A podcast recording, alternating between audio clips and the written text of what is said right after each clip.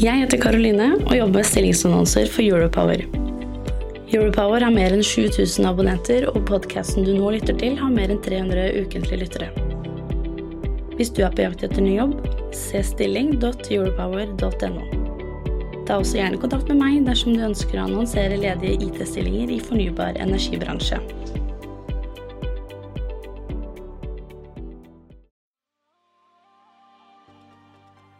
Du lytter til Energidebatten. Denne episoden er et uredigert opptak fra et folkemøte om havvind som ble arrangert i regi av Norsk olje og gass. Anders Li Brenna fra Europower ledet debatten. Hei, velkommen til Parkteatret og dette folkemøtet om havvind. Her er det veldig hyggelig å være. De gangene jeg har vært her, har det vært veldig artige konserter, men da har jeg vært blant publikum og ikke stått på scenen. Eh, det føles kanskje litt rart, men jeg har til gjengjeld noen veldig spennende folk til å holde noen foredrag for oss og til å ha en paneldebatt, så det tror jeg skal gå ganske så bra. Jeg heter Anders Li Brenna. Jeg er eh, nyhetsredaktør i Europower. Vi skriver om eh, kraftbransjen, og noe av det mest spennende vi skriver om, det er havvind. Så jeg gleder meg veldig til at vi skal være her og kose oss i dag og få mye nyttig informasjon, og forhåpentligvis også litt avklaring om hva politikerne mener om dette. Er det et nytt industrieventyr for Norge? Jeg har fått en liten liste her, for vi er nødt til å gå gjennom sikkerhetsreglementet. Og da antar jeg at de som ser på dette hjemmefra, de har full kontroll over hvor nødutgangene er. For de av oss som er her, så er nødutgangene der. Det er bare å gå ut samme vei som vi kom inn. Og da vil de som jobber her, stå med gule vester hvis det skulle være noe alarm at vi er nødt til å gå ut. Så jeg tror det skal gå ganske bra.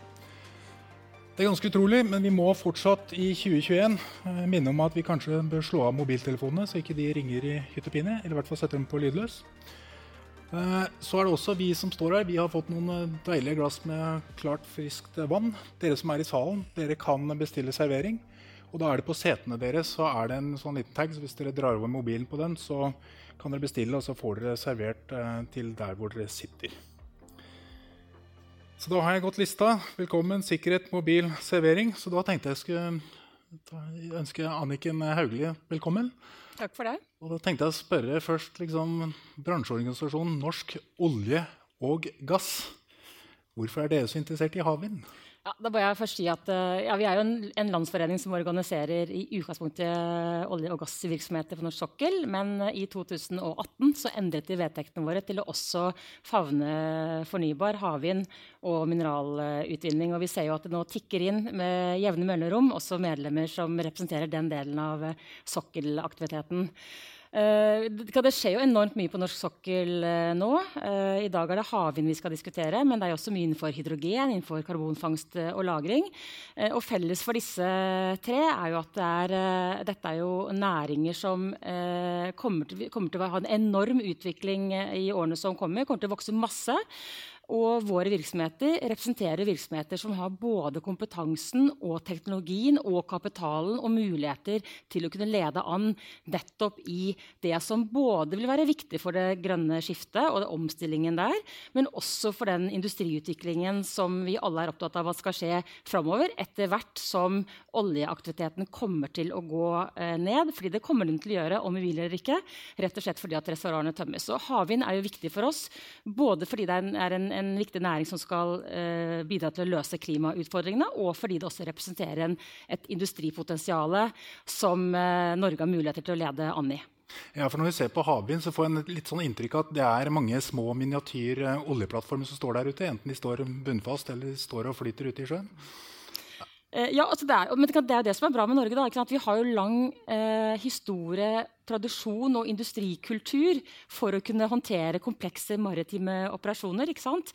Eh, vi har jo, eh, og det har vi, det har vi gjort i, i, århundrer, er jo det, er det som, som, vi har bygd opp kompetanse på. Eh, og det sier seg selv at eh, når vi har den kompetansen på, på plattform, så sier det seg selv at vi har alle gode muligheter nettopp til å kunne også utvikle men da med havvind på den samme sokkel. Det er i hvert fall spennende ute på både Nordsjøen og Norskehavet og eventuelt Barentshavet. For det er virkelig brutal natur der ute. og sånt. Så det er vel leverandørindustrien da, som er kanskje mest opptatt av at vi kommer og smelter sammen her og får havvind ut Men det som er viktig å huske for Norge, da, eh, det er jo at eh, mens olje ligger nå i bakken der den ligger, så er det jo sånn at det, det, blåser overalt. og Det betyr at vi har langt flere konkurrenter. kan du si. Det er ikke bare Norge som nå lukter på havvind som en industrimulighet. Det er det også mange andre land som gjør eh, internasjonalt. og Derfor er det viktig at vi nå bruker momentumet til å omstille våre virksomheter til å nettopp ta, ta opp seg ledertrøya i den omstillingen som vi nå står i. Tror du Norge klarer det? Eh, ja, vi har, vi har, i hvert fall alle muligheter til å kunne klare det. Altså, vi har naturgitte forutsetninger for å kunne håndtere det. Vi har teknologien som skal til, vi har kompetansen som skal til, vi har kapitalen som skal til. Vi har et ordnet uh, politisk system, så vi har alle muligheter til å kunne ta på oss ledertrøya og lede an i, den, uh, i det arbeidet. Det er jeg helt sikker på. Det skal vi få høre mye mer om. Nå skal vi først få to faglige innspill, så vi blir litt klokere alle sammen. Og så skal vi få høre politikerne etterpå. Da tenkte vi å begynne med Ingrid Lomelde fra Aker Offshore Wind. Hva kan du fortelle om havvind, som alle her bør vite? Oh, det var et godt spørsmål. Takk. Um, I sommer så slo alvoret innover oss for fullt. Vi har ingen tid å miste. Den siste rapporten fra FNs klimapanel den etterlater ingen tvil. Vi må kutte utslippene raskt, og hvert tonn teller. Den siste rapporten til Det internasjonale energibyrået er like tydelig på at vi har teknologiene vi trenger for å klare det. Og mye av den utviklingen vil skje til havs med havvind. Og som Anniken helt riktig var inne på, så er det veldig mange land som prøver å bygge opp en havvindindustri nå. Eh, så Derfor er det også eh, et poeng at det er noe som kommer til å skje veldig raskt i løpet av de neste årene.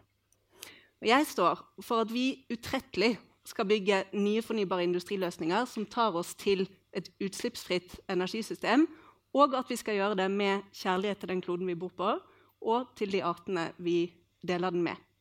Og I det skjæringspunktet så ligger det noen muligheter for Norge. Aker Offshore Vind ble opprettet som en egen virksomhet i fjor sommer. Og Vi utvikler primært anlegg for havvind på dypt vann. Og vi bygger videre på Akers industrihistorie.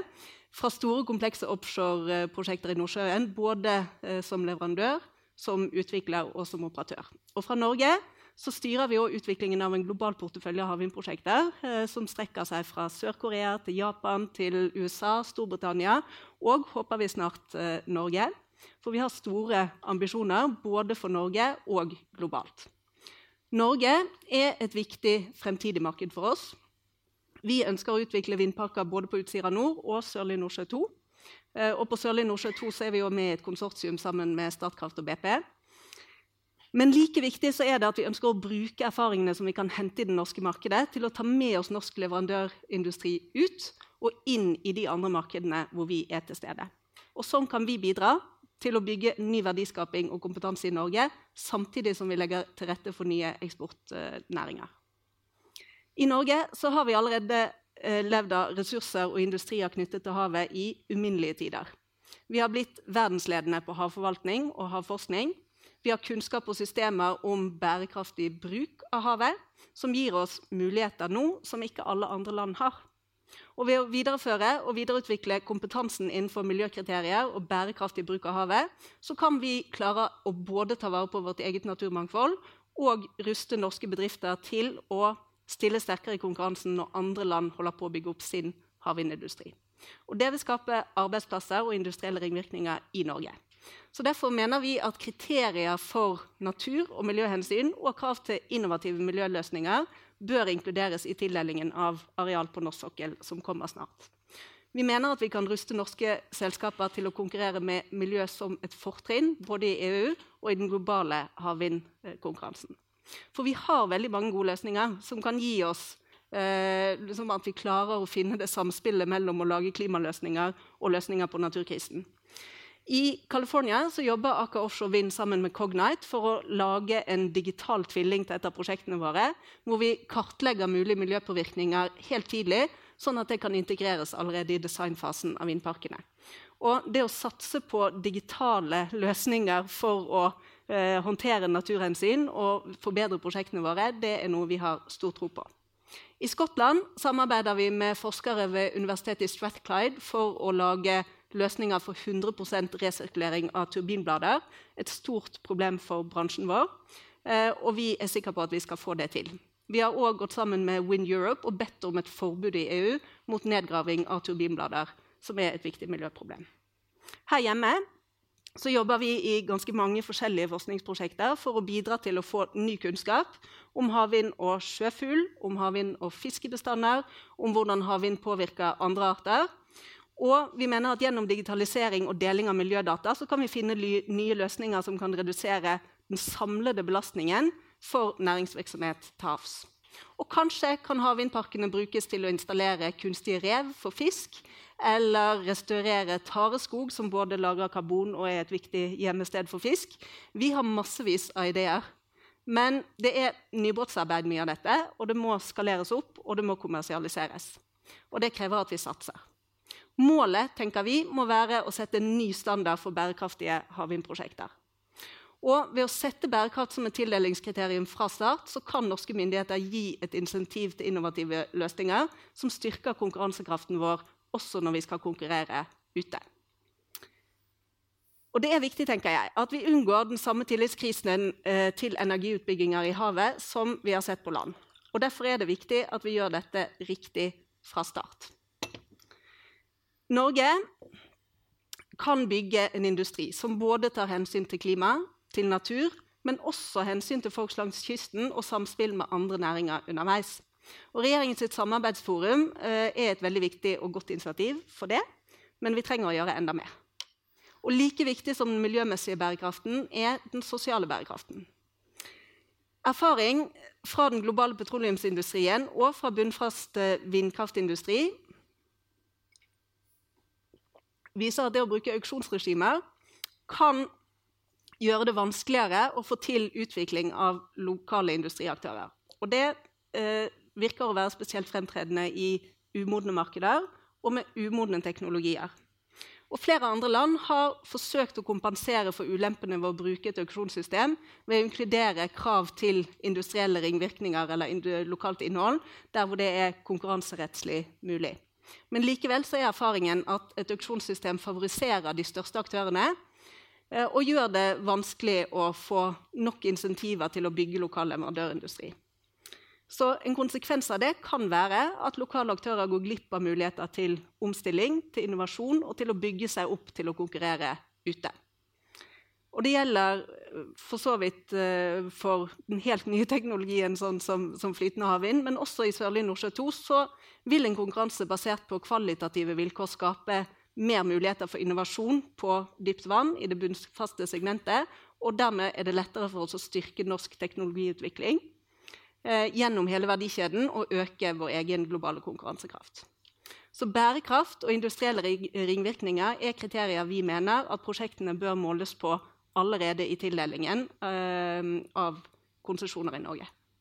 Og Som en del av dette med å snakke om sosial bærekraft, så handler det både om industrielle ringvirkninger, men det handler også om sysselsetting og, og kompetanse. Eh, så Som en del av kravet om om teknisk kompetanse så mener vi at det bør stilles krav til at det benyttes faglært arbeidskraft med relevant kompetanse, og at sysselsettingen er i tråd med norsk arbeidslovsgivning.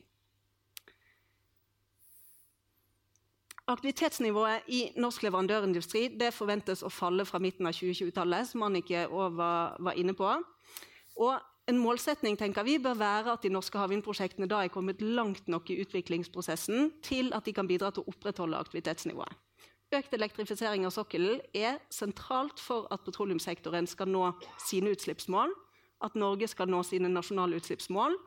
Og hvis vi får på plass en akselerert konsesjonsprosess, så kan kraft produsert fra havvind være et realistisk alternativ for gass, øh, olje- og gassplattformer som skal elektrifiseres allerede før 2030.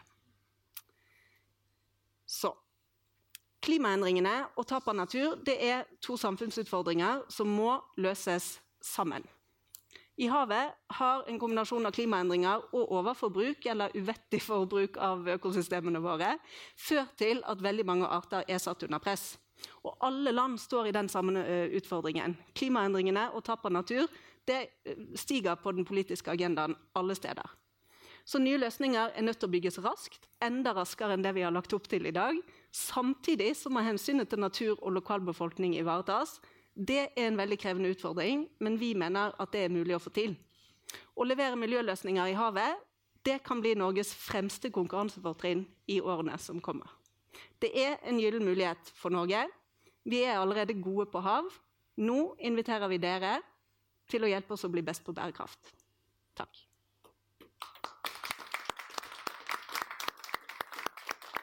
Det høres jo veldig veldig lovende ut. Det er jo masse potensial. Det er viktige årsaker til at de gjør dette. Og så beit jeg meg spesielt merke at du sa 'utvikle løsninger med kjærlighet'. Og Den så jeg ikke komme, så jeg er litt spent på om Arne klarer å toppe den. Equinor, har dere kjærlighet til havvind på samme måte som eh, Vi har både kjærlighet og omsorg. Det er to ting som ofte hører sammen. Så da, da håper jeg. Eh, først og fremst takk for invitasjonen til å snakke om industriell eh, havvindsutvikling i Norge. Og, og, først har jeg lyst til å si at Parkteatret og, og, og Grünerløkka er jo en fantastisk plass å ha en sånn havvindsdebatt. For det er vel en plass der industrihistorie møter kaffe med havremelk, er det ikke? Så det er et godt, godt uh, startpunkt, syns vi. Uh, jeg er uh, prosjektdirektør for Equinor. vi jobber med et prosjekt som heter Sørlig Nordsjø 2, hvor vi er sammen med RVE og Hydro. og Vi kommer selvfølgelig håpe å få til et godt bærekraftig, lønnsomt prosjekt. Eh, jeg vil eh, for, for, to år med Equinor først. Altså, vi har jo ambisjoner om å bli et av verdens største havvindselskap. Eh, vi har sagt at vi skal ha 4-6 gigawatt med havvind innen 2026. Og vi har sagt at vi skal klare 12-16 gigawatt med havvind innen, 22, uh, innen 2035. Og da er omtrent halvparten av Norges kraftproduksjon, totale kraftproduksjon i dag. Så dette er, dette er store ting både vi og, og Aker Offshore Wind og, og, andre holder på med. Det, det er vel unødvendig å si, men det er, det er et faktum. Eh, det jeg vil fokusere på, er egentlig to ting. Først vil jeg si litt om hvorfor og hva som må på plass for at Norge skal bli en betydelig havvindnasjon. Så vil jeg prøve å gå litt mer spesifikt inn på disse to områdene Utsira nord og, og Sørlige Nordsjø 2. Eh, det er i hvert fall minst to grunner til at Norge kan bli en betydelig havvindnasjon. Og Det første, og det er jeg glad for at diskusjonen har gått mer og mer inn på nå, da er at det er et økende behov for kraft fra havvind. Havvind handler om industrialisering, industriutvikling, arbeidsplasser, men det handler òg faktisk om kraft og behov for kraft. Jeg kommer tilbake til det. Og Det andre som er veldig viktig, eh, og, og, som Ingrid var veldig inne på, da, er at vi har et fantastisk utgangspunkt. Selvfølgelig har vi vind, og vi har vær og vi har hav, og alt dette her, men vi har jo òg en, en, god leverandørindustri. Vi, har, vi kan eh, bygge ting eh, på havet. Og så, som Ingrid påpekte på en fortreffelig måte, eh, en forutsetning for at, dette, at, vi skal få til dette her, for at Norge skal bli, en betydelig havvindnasjon, er at vi må få til bærekraftig sameksistens med fiskeri, med natur og med andre næringsinteresser. Da må vi alle være enige om vi skal gjøre dette på en ordentlig måte, og vi skal gjøre det skikkelig fra dag én. Eh, jeg sa at Norge kan bli en betydelig havvindnasjon. Ja. Eh, Norge, og det er et økende kraft, behov for kraft fra havvind. Eh, havvind vil spille en viktig rolle i framtidas globale energimiks. Dere har sikkert hørt det før, dere får høre det igjen nå. EU og Storbritannia har ambisjon om null CO2-utslipp i 2050. og De trenger henholdsvis 300 gigawatt og 100 gigawatt for å oppnå disse målene. Bruk av havvind for at disse skal oppnå sine mål, vil trolig være nødvendig, og det er der vi ser at det er ønskelig. Men også viktig det norske kraftbehovet øker. Statnett estimerer at det vil kanskje øke med noe sånt som 50% fram mot 2050. Hovedsakelig som følge av elektrifisering i mange sektorer, og ikke minst at en etablerer nye norske grønne arbeidsplasser. Havvind vil være nødvendig for å møte denne etterspørselen også i Norge. Så oppsummert, Vår vurdering er at det vil være behov for betydelig mengde havvind fra 2030 og utover når vi ser på kraftsituasjonen. Norge har et godt utgangspunkt. Eh, men det vi òg er veldig opptatt av, er at eh, vi skal videreutvikle dette utgangspunktet. Og vi skal sørge for at norske leverandører blir konkurransedyktige. De skal vinne kontrakter i Norge, og de skal vinne kontrakter internasjonalt, hvor selvfølgelig det største eh, markedet er. Eh, Norge har jo mange, eh, mange, eh, gode leverandører allerede. Jeg har ikke tenkt å nevne navn, men, men vi, jo, eh, vi, er gode på installasjon, vi er gode på HVDC-substasjoner, vi er gode på fartøy for vedlikeholdsfasen, og vi, vi, er gode på, på understell. Eh, disse leveransene er ikke vunnet fordi de er norske, de har vunnet fordi de har vært knallgode de har vunnet en konkurranse mot utland, utenlandske. Og jeg kan bare sånt eksempel, Vi har 30 eh, norsk innhold på, på Hyven eh, Skottland-prosjektet vårt. Vi har 50% norsk innhold på Haven Tampen-prosjektet vårt. Ikke fordi de er norske, men fordi de er best. Eh, så er det jo sånn, som, som Anniken eh, var inne på, er at olje- og gassaktiviteten avtar.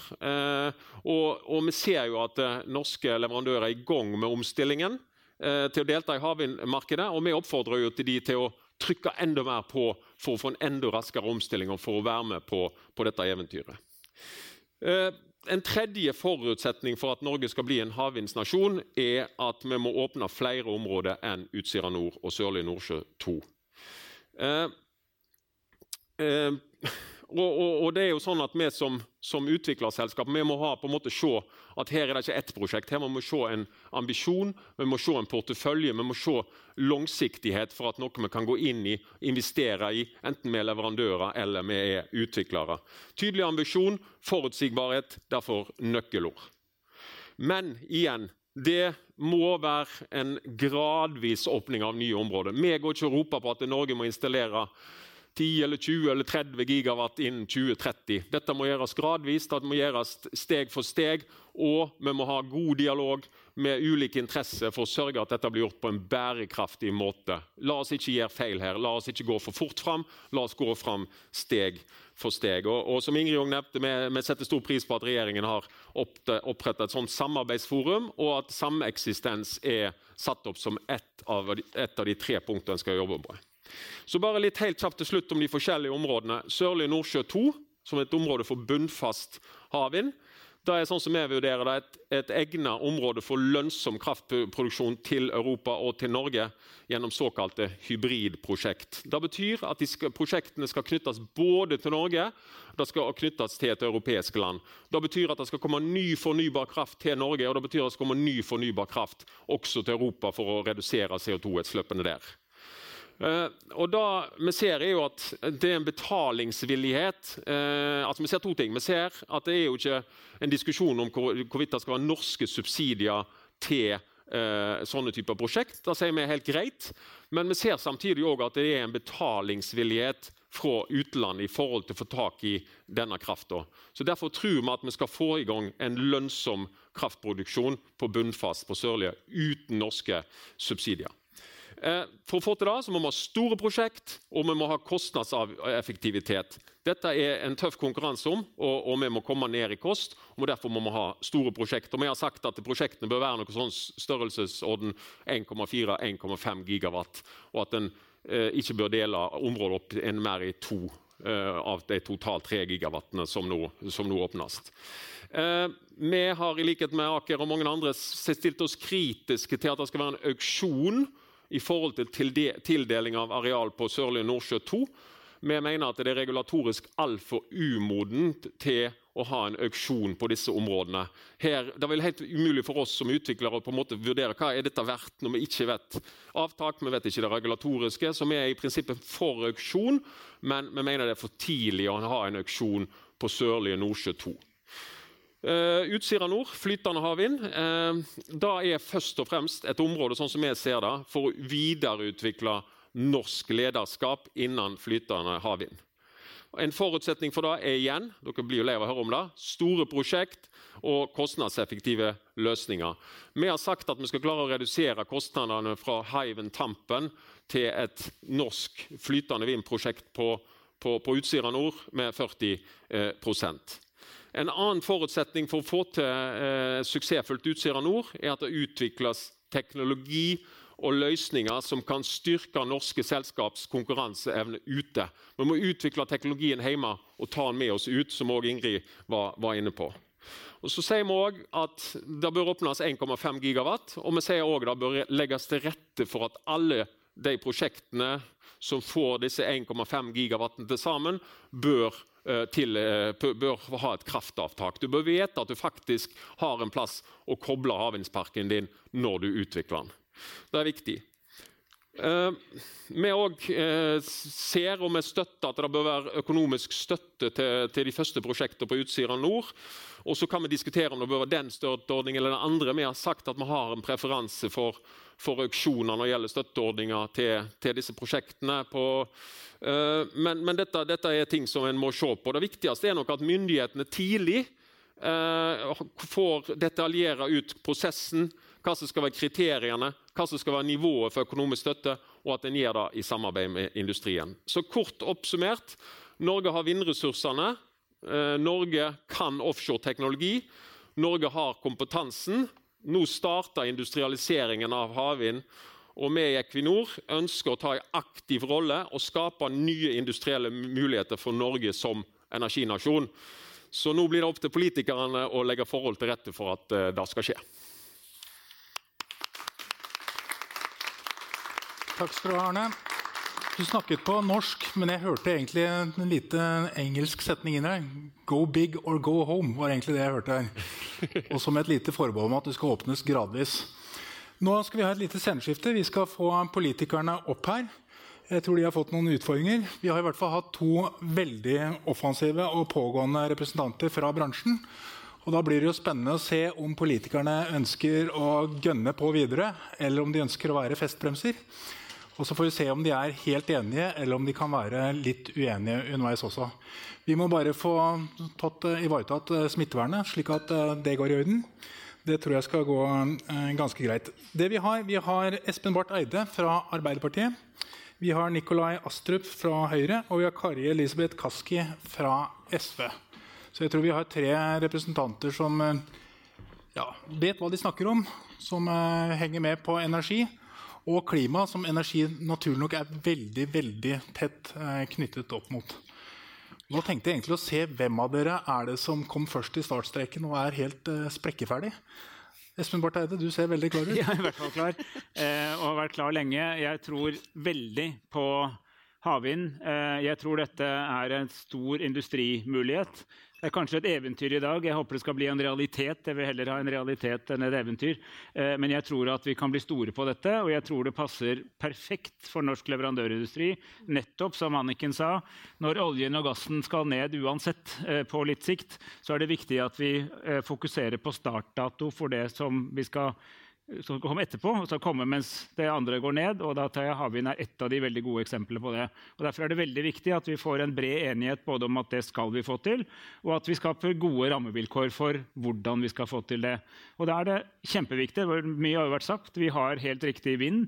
Vi har veldig relevant erfaring. Vi har masse selskaper som er klare. Jeg, var, jeg kommer rett fra Kristiansand i dag og snakket med en del av leverandørindustrien som virkelig begynner å lukte på sine nisjeposisjoner i et fremtidig eh, havvindindustrimarked. Bare for å understreke en ting som er veldig viktig å si politisk. Dette er ikke først og fremst energipolitikk for oss. Dette er industripolitikk i Norge. Sekundært energipolitikk.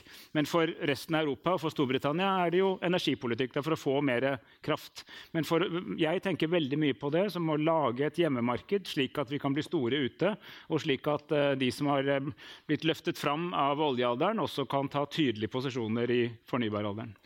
Det er ingen tvil om at du er en stor entusiast, og det er Arbeiderpartiet også. Hvordan er det med SV, Kari Elisabeth eh, Kaski? Er dere like ivrige som eh, Espen og Arbeiderpartiet? Minst like ivrige, vil jeg si. Uh, og vi er også helt klare på at det, enorme potensialet vi har for havvind, og særlig innenfor flytende havvind, er et nytt industrieventyr for oss. Jeg mener òg at vi trenger mer kraft. Det kommer vi til å gjøre framover. Det er jeg sikker på at Espen også er enig i. Men, men, at det er også eh, et industripotensial for oss her, må være helt åpenbart. Og det, Den erkjennelsen er også viktig for de virkemidlene vi legger opp til nå. Det at vi sikrer nettopp at vår leverandørindustri er med på å ta posisjoner her. Det at vi får på plass et virkemiddelapparat nå som, som tilrettelegger for det samspillet som vi har i Norge allerede med leverandørindustri, det potensialet vi har for å elektrifisere, eh, og behovet vi har for å elektrifisere plattformer på sokkelen, eh, og det energisamarbeidet som vi kan ha med Europa her her. Og det, det, å ha med seg alle de perspektivene når vi nå staker ut kursen med områder og virkemidler for å realisere de, de, de møllene, det er viktig. Det høres bra ut. Jeg syns jeg hører 'go, go, go' fra opposisjonen her. Jeg mistenker at uh, sittende regjering heller ikke er så veldig negativ til havvind. Hva tenker du, Nikolai Astrup fra Høyre? Nei, det, og det mener jeg vi har vist. Vi har jo lagt til rette for det engasjementet og den, de fantastiske initiativene som kommer fra industriaktørene. og det er jo ikke noe, Omstillingen er ikke noe som skal skje. Det er jo noe som er i gang. Og så må vi sørge for sammen, og det virker som det er bred politisk enighet heldigvis om det, at vi må legge til rette for den industriutviklingen som dette kan føre med seg. Vi har, et, vi har kanskje Europas beste vindressurser. Eh, det er fantastisk. Vi må sørge for at eh, vi både kan bruke den energien til å videreutvikle industrien vår hjemme, men også at det er økonomi i dette eh, gjennom hybridløsninger, slik at disse anleggene blir bærekraftige på egen kjøl. Det blir ikke noe grønt skifte uten sorte tall. Vi må sørge for at det er lønnsomt å utvikle ressursene på sokkelen. Og det må vi legge til rette for gjennom gode rammebetingelser fra staten. Så skal vi også stille opp med teknologiutviklingsressurser der det trengs. og vi har jo vist gjennom støtten til Hywind Tampen for eksempel, at vi er villige til å putte mye penger på bordet for å eh, utvikle den industrien. Så det må, må fortsette. Så, så, så, så, tror jeg det var et, et lite sånn uh, interessant også en tilbakemelding som kom uh, fra scenen i sted, nemlig at uh, vi må ikke tro at det skjer over natten. Det minner meg litt om da jeg var i energi- og miljøkomiteen og vi besøkte Tanzania for å se på gassfeltet til Equinor. Og forventningen i lokalbefolkningen var jo at uh, her skulle det begynne å strømme gass og dermed penger fra og med i morgen omtrent. Mm -hmm. Det er klart det strømmer verken gass eller penger uh, fremdeles der, og de har holdt på en stund.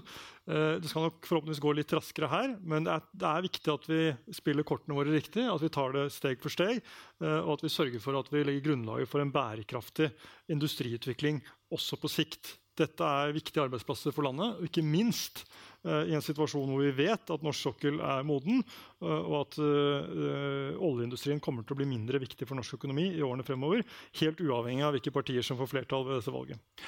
Espen Bartheide, du sa noe som jeg har lyst til å ta opp, og det var at dette var så viktig for industrien, og det har dere også trukket frem her, men at energien var sekundært. Er havvind primært et industri- og arbeidsplass-type prosjekt? I nær framtid for Norge så er det først og fremst det. Altså, den mest interessante, jeg er enig med Kari Elisabeth, den mest interessante energibruken er elektrifisering av sokkelen. Og da skal jeg si med en gang, bare så det er avklart, Du kan ikke la være å bygge kabler fordi du bygger havvind. fordi selv når du har havvind, så må, blåser det ikke hver dag. Og, og, så du må balansere mot land. og Noen ganger vil du ha overskudd der ute og kan sende kraft inn. Noen ganger må du låne fra land. Men målet bør være en slags, et slags én-til-én-forhold over tid, da, over et år f.eks., eh, for havvindproduksjon av strøm på sokkelen og bruk ved sokkelen. Det tar tid å komme dit. Derfor må du også elektrifisere fra land, men det bør være et langsiktig mål. Men det jeg mente var at det er en stund til, for å være selv, jeg som er både ambisiøs og tror veldig på havvind, tror det er en stund til havvind konkurrerer med f.eks. vannkraft og eh, landbasert vindkraft i pris i Norge.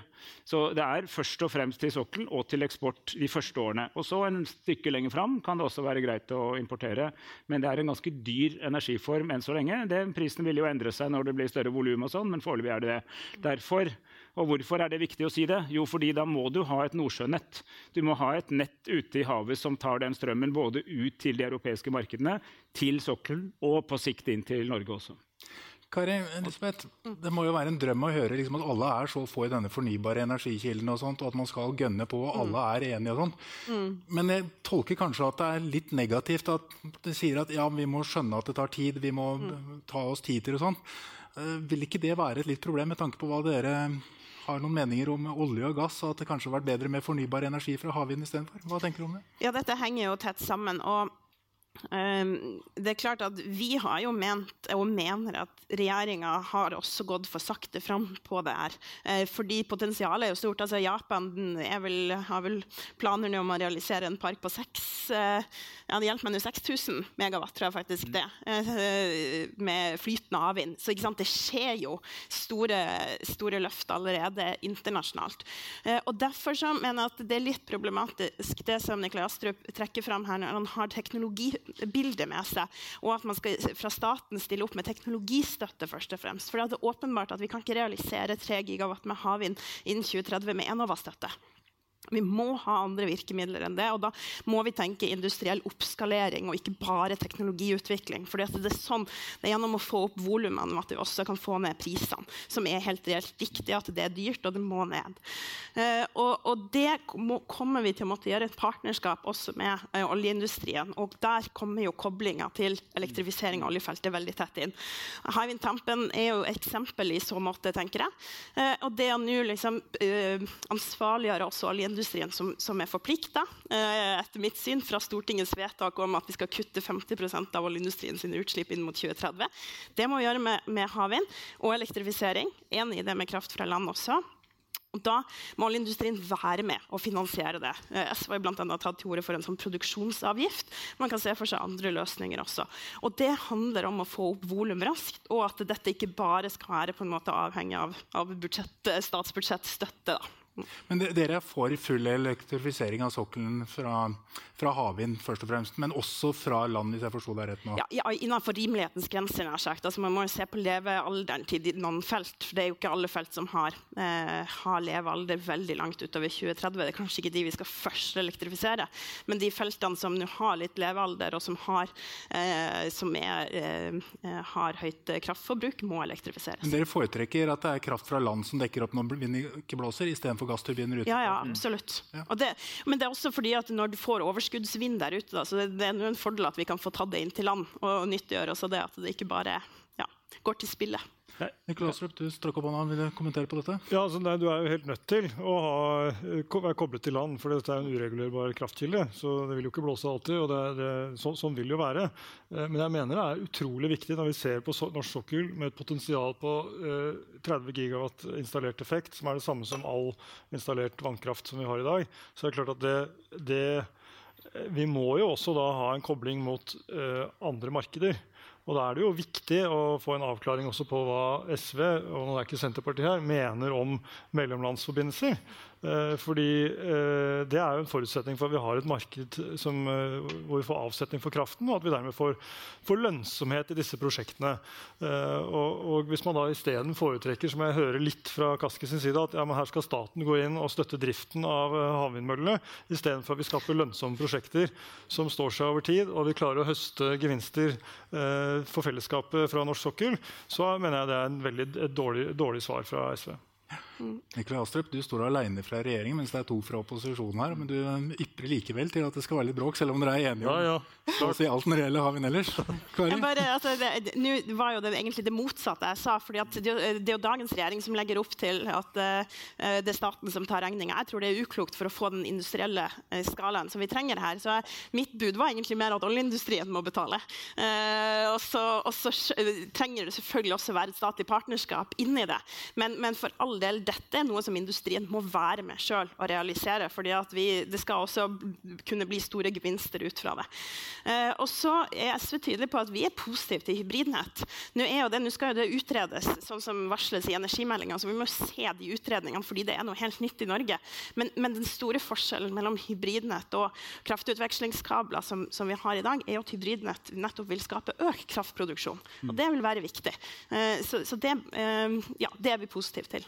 Ja, for nå er vi inne på Kjært barn har mange navn. Vi har utenlandskabler, vi har mellomlandsforbindelser, og så har vi hybrid, som er en litt blanding av det. Hva tenker du, Espen? Ja, bare... Dere har diskutert mye dette med utenlandskabler tidligere. Det har vært ganske heftige temaer. Jeg har vært borti temaet. bare for å si at En ting som det er litt fint å understreke at som SV og Arbeiderpartiet er enige om, er jo at staten ikke skal betale alt. Det, altså det, vi, vi, sier jo det Høyre pleier å si, nemlig at du kan ikke overlate ta alt til skattebetalernes regning. Det, industrien må ta en del selv. Og, og, staten kan også bidra med infrastruktur og tilretteleggelse og sånne ting. Så det, så det var liksom slik jeg forsto deg, og det mener også jeg. Så tror jeg det er utrolig viktig å bare slå fast at du må ha hybridnett. Fordi du, du, får ikke lønnsomhet i mye av dette hvis ikke du kan eksportere til Europa. Men hvis du, får, hvis du, bygger dem, så vil du få den fordelen som er med all vind, også britisk og dansk og annen vind der ute, er at noen ganger er den veldig billig. Og da er det jo bare å hente inn alt vi kan, så vi kan holde vannet oppe i magasinene, eh, og, og, heller selge den dyrere seinere. Altså ikke dyrere til forbrukeren, men dyrere til utlandet. Så det er veldig smart å koble et vannkraftsystem til et vindkraftsystem, og ekstra smart hvis det står ute i havet. Så uten hybride så blir det ikke noe av. Men det er vi altså enige enige om, og det er viktig å få flest. Akkurat der er det enighet blant alle tre, tror jeg. Ja, Du titter litt bort og er litt nervøs, for han strakk opp hånda. Er du enig? Ja, altså, vi er jo helt enige i det. Eh, og så overlater til de to å overbevise Senterpartiet om det samme, og kanskje Rødt. For de mener jo noe annet. Men uh, de uenighetene skal de få lov å ta på bakrommet. Men det er også, det er også, og jeg er veldig glad for å høre at alle er enige om at vi må legge til rette for en uh, næring som står på egne ben, og som har, kan ha lønnsom drift uten statssubsidier. Det mener jeg er en helt avgjørende forutsetning for at vi skal få til et grønt skifte. Eh, så, så det, det, er bra. Men så er da, når vi ser eh, hvor mange aktører som nå melder seg på, hvor mange konsortier som er her, så er det fantastisk å se. Eh, det borger for en positiv utvikling. Og da er jeg også litt bekymret for, eller lurer på hvorfor da særlig SV vil jo etablere et statsselskap som skal investere i dette. Hvor er behovet for det når vi ser det enorme engasjementet som er fra etablerte industriaktører som ønsker å satse? Eh, for det er åpenbart ikke mangel på verken initiativ eller kapital for å være med i dette løftet. Hva er det å si til det, Karin? Vi telte vel 13 konstellasjoner som har søkt bare på sørlige Nordsjø 2. Det kan godt være at det blir flere etter hvert også. Hva tenker dere om det? Altså for det første så er det jo lett fra liksom Høyre å skremme med statlige, statlige selskaper, men, men det er bred, enighet om at Statkraft, som jo er et statlig selskap og investerer innenfor fornybar energi, gjør det ganske godt. Og så har ikke vi tatt til orde for at vi skal ha et sånn Statvind som skal bygge ut havvind på norsk sokkel. Det vi sier, er jo at um, vi bl.a. bør få på plass en statlig investeringsbank. Nå alle den europeiske investeringsbanken i realiteten, som bidrar med statlig investeringskapital. Det kan være klokt for å få de langsiktige investeringene. Nøyaktig om det skal skje for de 3 gigawatt inn mot 2030 som vi har som mål på flytende havvind, det tror jeg ikke er realistisk. Eh, også fordi at det trenger å være så tett kobla til elektrifisering av sokkelen og de oljeplattformene som, som vi har nå. Men, men, det er jo viktig tenker jeg, når vi står på terskelen av den store omstillinga som Norge skal gjennom, der også staten kommer til å bidra økonomisk, men også gjennom tilrettelegging, at vi ser på ulike uh, måter også staten får høste av de verdiskapninga som vi skal få til på sikt, på sikt, her, den gevinsten vi får på sikt. Det var en suksess bak oljeeventyret, som er velkjent her. Uh, det at vi etablerte Statoil, men også et statlig økonomisk engasjement, har bidratt til at vi får økt inntjening, at vi høster av de investeringene. Og det bør vi tenke også i, i fornybareventyret. Så SV forventer at havvind blir super superlønnsomt, og da bør staten ta sin del av eh, gevinsten på det. Det er egentlig det vil jo uh, mest sannsynlig da ikke være ikke Det å, å, å, sammenligne med olja er jo vanskelig. Olja er den mest lønnsomme næringa man har hatt. Og det å få helt det samme på én næring som, havvind, det, det, skal jo være vanskelig med å spå. Men, men, målet er jo uansett, og det må bli lønnsomt. Vi trenger havvind for å lykkes med omstillinga. Det er all grunn til å tro at det er det. Og da mener jeg at det er også klokt at staten har et, en, en, del av den verdiskapninga som, som vi skal få til på sikt, i den store omstillinga vi skal gjennom. Du nevnte um, at um, det var jo dyr teknologi eller dyr strøm. Det er dyrere å produsere enn f.eks. vannkraften. som har produsert masse. Men hva med volumet? Vi snakker jo fortsatt om veldig lite volum. Hvis vi skal ha noen statlige satsinger, og sånt, så, så er jo selv Hywind Tampen er jo ikke stort sammenligna med hvor mye man faktisk ønsker å åpne. Og Hywind Tampen ble jo 2,3 eh, milliarder fra Enova. Det er mye penger som skal inn her fra statlig side. Hva tenker du om det? Jo, men Det er jo nærmest en økonomisk jernlov at med innovasjon og utvikling og ny teknologi og smartere løsninger, så går prisen ned og volumet opp. og Akkurat nå er vi i en fase hvor den, det skjer nesten eksponentielt. Så jeg tror jo at dette både kan bli mye større og rimeligere, rimeligere per kraftmengde enn det, enn, enn det, vi trodde for bare noen få år siden. Og så får vi følge det på best mulig måte. Jeg tror det kan bli ganske store volumer etter hvert. Og jeg tror når du etter hvert skal erstatte et hovedsakelig fossilbasert energisystem med et uh, fornybart system, så er du nødt til å hente en del av den kraften fra havet. Det er ikke plass nok på land, eller i hvert fall ikke akseptabel plass, da, for vi skal ta vare på natur og, uh, og, og, sånn også.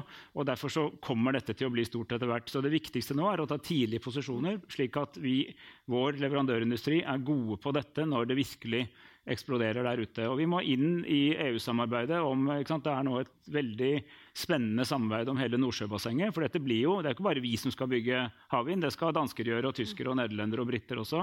Og da må vi ha altså en infrastruktur, et nordsjønett. Og vi har jo laget, eh, det, vi snakket om to viktige rapporter. Eh, Lomelde snakket om både IPCC og IA. Vi vil legge til et viktig dokument til, som er Arbeiderpartiets nordsjøplan, som jo beskriver da hvordan alt dette kan uh, henge sammen med, med både infrastruktur og Eh, og, en, og liksom mer eh, systematisk tenkning om samvirke. Så vet vi f.eks. at du kan ikke tråle der det er en havvindpark. Så det må du snakke med fiskerne om. Ikke om du skal legge den, men hvor du skal legge den. Men det du kan gjøre, er å drive med algeoppdrett, du kan drive med lukkede merder, du kan ha rasjonell samdrift mellom ulike typer havbruk og havvind. Det passer veldig fint sammen. De konkurrerer ikke med hverandre. Og du kan få felles logistikkløsninger og sånn. Kan du nærmest ha næringspark ute i havet på definerte områder når du likevel setter dem av til industriell drift. Og det, igjen, det krever litt sånn statlig tilretteleggelse, for det er ikke noe de ganske ulike industriene nødvendigvis kommer til å starte med selv. Så der må du legge litt til rette for å tenke helhet og sammenheng.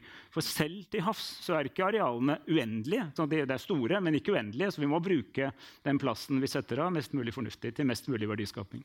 Jeg har snakka med noen fiskere opp i mitt liv, og er det noe jeg syns de kjennetegnes med, så er de ganske direkte i sin tale når de ja. mener noe. Og mitt inntrykk er at de er ganske så negative til havvind. Hvor mye skal vi tilrettelegge for fiskerne og deres behov og deres interesser kontra havvind? Nikolai? Vi har veldig god erfaring med sameksistens mellom ulike næringer på norsk sokkel. og Det skal vi fortsette å ha. og Det er derfor vi har et samarbeidsforum som gjør at vi skal nettopp lytte til alle uh, aktørene som er involvert, komme frem til gode løsninger. Og det blir enda mer aktuelt nå som vi er i gang med uh, å gå gjennom områder som er aktuelle for, for, nye havvindutbygginger fremover. Uh, og for det, det, er det jo behov for. Det, ditt forrige spørsmål var jo uh, er det ikke litt lite. Uh, ja, det må selvfølgelig komme mye mer. og Vi må identifisere flere områder, og vi må selvfølgelig ha god dialog med de aktørene som er involvert. Og jeg, jeg, mener jo også som Det er bra at Arbeiderpartiets Nordsjøplan er, backer regjeringens politikk på dette området, men vi må selvfølgelig samarbeide i Nordsjøbassenget. Når det gjelder, når det gjelder nett. Jeg satt i energi- og miljøkomiteen før deg, så jeg kan fortelle at dette har vært regjeringens politikk ganske lenge. Uh, men uh, for å si det sånn, det er litt sånn déjà vu noe av dette her. da, for Jeg satt i energikomiteen fra 2009 til 2015, og det er jo stort sett de samme temaene vi diskuterer fortsatt. Så vi må selvfølgelig komme videre med dette. Det er helt, helt avgjørende. Det har skjedd enormt mye. Uh, men akkurat på Nordsjønett så er det mye som gjenstår. Og det er fordi at det henger ikke bare på oss. Dette må jo, er, et, er Noe av det mest kompliserte menneskeheten har laget, er jo nett. Uh, å få det til å henge sammen, det, det, det, krevende. Og det må vi gjøre i samarbeid med andre. Dere har åpnet uh, to felt, men uh, det er allerede murring i bransjen om at det er for lite. og jeg har, blant annet, når jeg søkte på innsyn hos NVE, og sånn, så fikk jeg se flere spørsmål som gikk på hva skal til for at dere dobler mengden som får lov til å installere i det åpnede feltet. Hva skal til for å åpne flere felt? og sånt. Hva er dere står på for at vi liksom kan kline til da, og bli havvindnasjon? Altså, eh, Anniken sa det veldig godt innledningsvis. Vi har eh, både eh, teknologi, kompetanse og kapital til å få det til. Vi har de beste vindressursene i Europa. Og det skjer veldig mye. Så tar det tid å bygge ut flytende og bunnfast havvind. Utbyggerne selv sier jo at de har et tidsperspektiv på mellom syv og ni år på et stort felt. Så, så, det sier på en måte noe om, om, perspektivet her. Og så er jeg enig med det Espen sa, at her kommer kostnadene til å komme ned etter hvert. Og da vil også utbyggingen skyte fart, tror jeg. Eh, fordi dette er jo litt kostnadsavhengig. Det er fortsatt dyrt. Selv om eh, dagens strømpris akkurat i dag så var den vel to kroner per kilowattime. Så da er jo det meste lønnsomt. Men stort sett så er den jo ikke det. Eh, og da, da, da er vi også avhengig av at kostnadene kommer ned. Og for å få til det så må vi jo bygge. Og det er jo, Hywind Tampen er jo eh, et eksempel på nettopp hvorfor vi bruker så mye offentlige penger til det, er jo for å bidra til at kostnadene går ned. Og vi hørte jo fra Equinor at deres ambisjon er var det 40% kostnadsreduksjon fra, fra Hywind Tampen til eh, neste store prosjekt. Uh, og antagelig kommer den, den, type kostnadsreduksjoner til å fortsette etter hvert som prosjektene utvikler seg. og Det er positivt. Og da kvalifiserer vi også norsk leverandørindustri til å være med på prosjekter ute i verden hvor jo strømprisene er en annen og rammebetingelsene er andre enn det de er her. Så dette er en vinn-vinn-situasjon for norsk leverandørindustri. Kari Elisabeth, Har de åpnet nok felt, eller ville dere gått i bresjen for å åpne flere? Ja, vi vil åpne flere, og vi vil jo øke te uh, tempoet her. Og det er jo illustrerende når Nikolai Astrup snakker om at vi har ikke kommet så langt siden 2009. Nei, det er jeg enig i. Det skulle ha skjedd langt mer de siste årene. Var for øvrig i Zero da vi la fram en sånn Nordsjønett rapport også eh, på den tida der, så vi har diskutert det her lenge.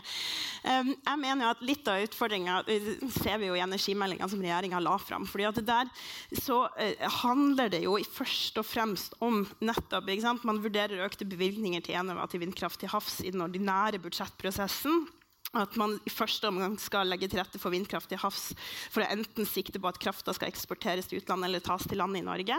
Og du har egentlig ikke det industrielle perspektivet i særlig stor grad framme når det er snakk om havvind. Og det mener jeg, det er noe med hva slags briller er det du har på deg når vi skal se på det her og utvikle det.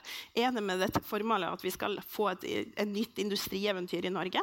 Eller er det med formålet at her skal vi utvikle teknologi og, og, sørge for at vår leverandørindustri kan levere den teknologien også til andre land? Eller skal vi realisere det her i Norge? Men Er det, det noen motsetning mellom de to? Nei, men det, det er, er likevel kjempeviktig å ha som politikere at vi har et mål om at det skal realisere sin industrieventyr på flytende hav i Norge. fordi det, Hva slags virkemidler legger til rette til? Hvis dette skal være avhengig av at vi bevilger penger til det over statsbudsjettene, ja. da vet vi helt godt hvordan det kommer til å gå. Da får du ikke opp tempoet på det. Og Der mener jeg også at elementet om elektrifisering av feltene eh, til oljeindustrien kommer inn. Fordi det er det som kommer til å sikre volum på kort sikt, eller på mellomlang sikt i Norge. Det er en forutsetning for å lykkes med dette er at vi kobler det til elektrifisering av de plattformene. Fordi at da har du allerede en veldig tydelig bro da, mellom oljeindustrien som vi har i dag, og det som vi skal over til. Mm. Uh, og det handler også om å koble de folka som i, i dag i for stor grad er, er, opptatt med nye oljeprosjekter, gjerne litt sånn ekstra stimulert av den oljeskattepakka, og som vi må få over på de andre uh, fornybare prosjektene. Men den er veldig interessant. Det er nesten nødt til å ta med en gang. Jeg noterte meg litt for ettertid. For der er det litt at den oljeskattepakka den har gitt bonanza-tider nå. Det tror jeg ingen i salen her vil protestere på. Jeg er veldig fornøyd med det. Men samtidig så når jeg snakker med diverse aktører i bransjen og intervjuer dem, så hører jeg liksom at ja, det kommer til å være kjempeaktivitet frem til 2026-2027. Ja. Og så snakker jeg med NVE og sier at eh, nei, du, det tar faktisk litt tid å få gjort disse havvindene. Og sånt. Og dermed så snakker vi realistisk 2030, kanskje til og med et par år etterpå, før vi kan få havvindturbinene. Og når jeg da snakker med noen av disse 13 konstellasjonene, så sier de liksom at eh, nei, vi kan ikke signere avtalene på flere milliarder før vi er klart til oppstart. Hva, hva, gjør vi da med tomrommet der? Ja, nei, jeg mener at Der er det jo er eh, veldig tydelig at vi skal, ha, vi skal ha politikken og virkemidlene på plass for å få opp de prosjektene fra 2026-2027. Det trenger vi. Det er en forutsetning for å nå målet vårt for 2030. og det mener vi skal nå. Og Da har du det tidsrommet der i realiteten til å lykkes med det. Det bør være realistisk, men da må du faktisk sette det som et mål og bruke virkemidlene for å få det til. Men dere vil bruke den perioden der til å presse olje til å elektrifisere sokkelen? Det er den deres løsning? Det er, mener jeg altså, kanskje det aller viktigste vi gjør på kort sikt nå for å få markedet i gang. Men vi må jo også gjøre mer. Vi må åpne de nye områdene. Vi må også få på plass virkemidlene for de øvrige prosjektene. Men elektrifisering helt åpenbart ekstremt viktig. Men, det, vi snakker masse om dette i vårt nye partiprogram. og Da sier vi at vi vil ha stabilt aktivitetsnivå på norsk sokkel, forstått som summen av gamle og nye næringer. Og så står det da en lang remse med alt det nye som skal skje. og Det betyr jo da at vi skal forsøke å sørge for at eh, for å si det konkret, altså at verkstedhallene i Stord og Verdalen skal forbli fulle eh, etter hvert som altså rigger erstattes med havvindplattformer osv. Da må du tenke, da må du liksom ta inn over deg hvor fort hvor, hvor, hvor, nær framtida er kommet. Da. I forhold til at uh, Av helt naturlige årsaker, altså markedsendringer og sånn, så blir det jo etter hvert mindre utbygging. Ikke fordi vi vedtar det, men fordi det er en naturlig tilpasning til bevegelsen i markedet. Og hvordan du sørger for at du ikke mister de industrimiljøene på veien som da fire år etterpå hadde vært fine å ha. Og det krever altså en, en, en veldig gjennomtenkt politikk for å få fart nok på de nye tingene. Og da, ikke sant, det, eh, det, det, vi skal være grundige i prosessene. Men vi trenger ikke å somle. Ikke må, noen ganger forveksler vi eh, sommel med grundighet. Det er ikke sånn at ting som tar tid, alltid er fordi man er ekstremt effektiv hver dag. Det er også av og til man bruker for lang tid. Så hvis du kan komprimere gode prosesser, slik at disse konsesjonene går litt fortere og det er Når du reiser rundt i landet og snakker med leverandørindustri, så er det kanskje den enkelttingen flest, flest sier få litt raskere fart på disse konsesjonsprosessene. Og jeg sier ikke at vi ikke skal snakke med fiskere og de andre, for det må vi, men at du prøver å komprimere prosessen, altså gjøre den god, men raskere, slik at du kommer fortere i gang med i hvert fall planleggingsfasen og tilretteleggingsfasen for det som skal opp. Sitter dere og somler i regjeringskontorene? Nei, vi gjør jo ikke det, selvfølgelig. Og jeg er helt enig med Espen at det skal ikke ta lengre tid enn nødvendig. Og jeg tror jo også at fremover så ligger alt til rette for at dette kan gå raskere. Nå er vi i gang med å se på hvilke nye områder som kan åpnes opp. Det er viktig. Og så er det den diskusjonen med ja, hva med oljeinstallasjonene. Så er det jo verdt å merke seg at mange, veldig mange av de eh, plattformene vi har, ligger jo på dypt vann. Så da snakker vi flytende mm. uh, havvind. Og det er klart det har en annen kostnad enn bunnfast havvind. Så eh, det er nok sånn at når, jeg sa i sted at vi har snakket om en del av de samme temaene, og jeg hadde jo, hadde jo mye med Kari Elisabeth å gjøre da hun var i Zero også, vi snakket mye om havvind den gangen òg, men da var jo ikke industrien klar. Det tror jeg vi skal være så ærlige å si. Da var politikerne veldig utålmodige. at nå må det skje noe.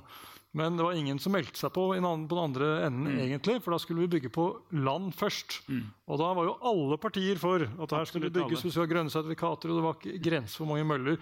Jeg husker ikke hvor mange møller Geir Pollestad skulle ha på Jæren, men det var mange. Eh, og, og, så har jo det på en måte snudd. Eh, og så ser vi at kostnadene har kommet ned på, på havvind.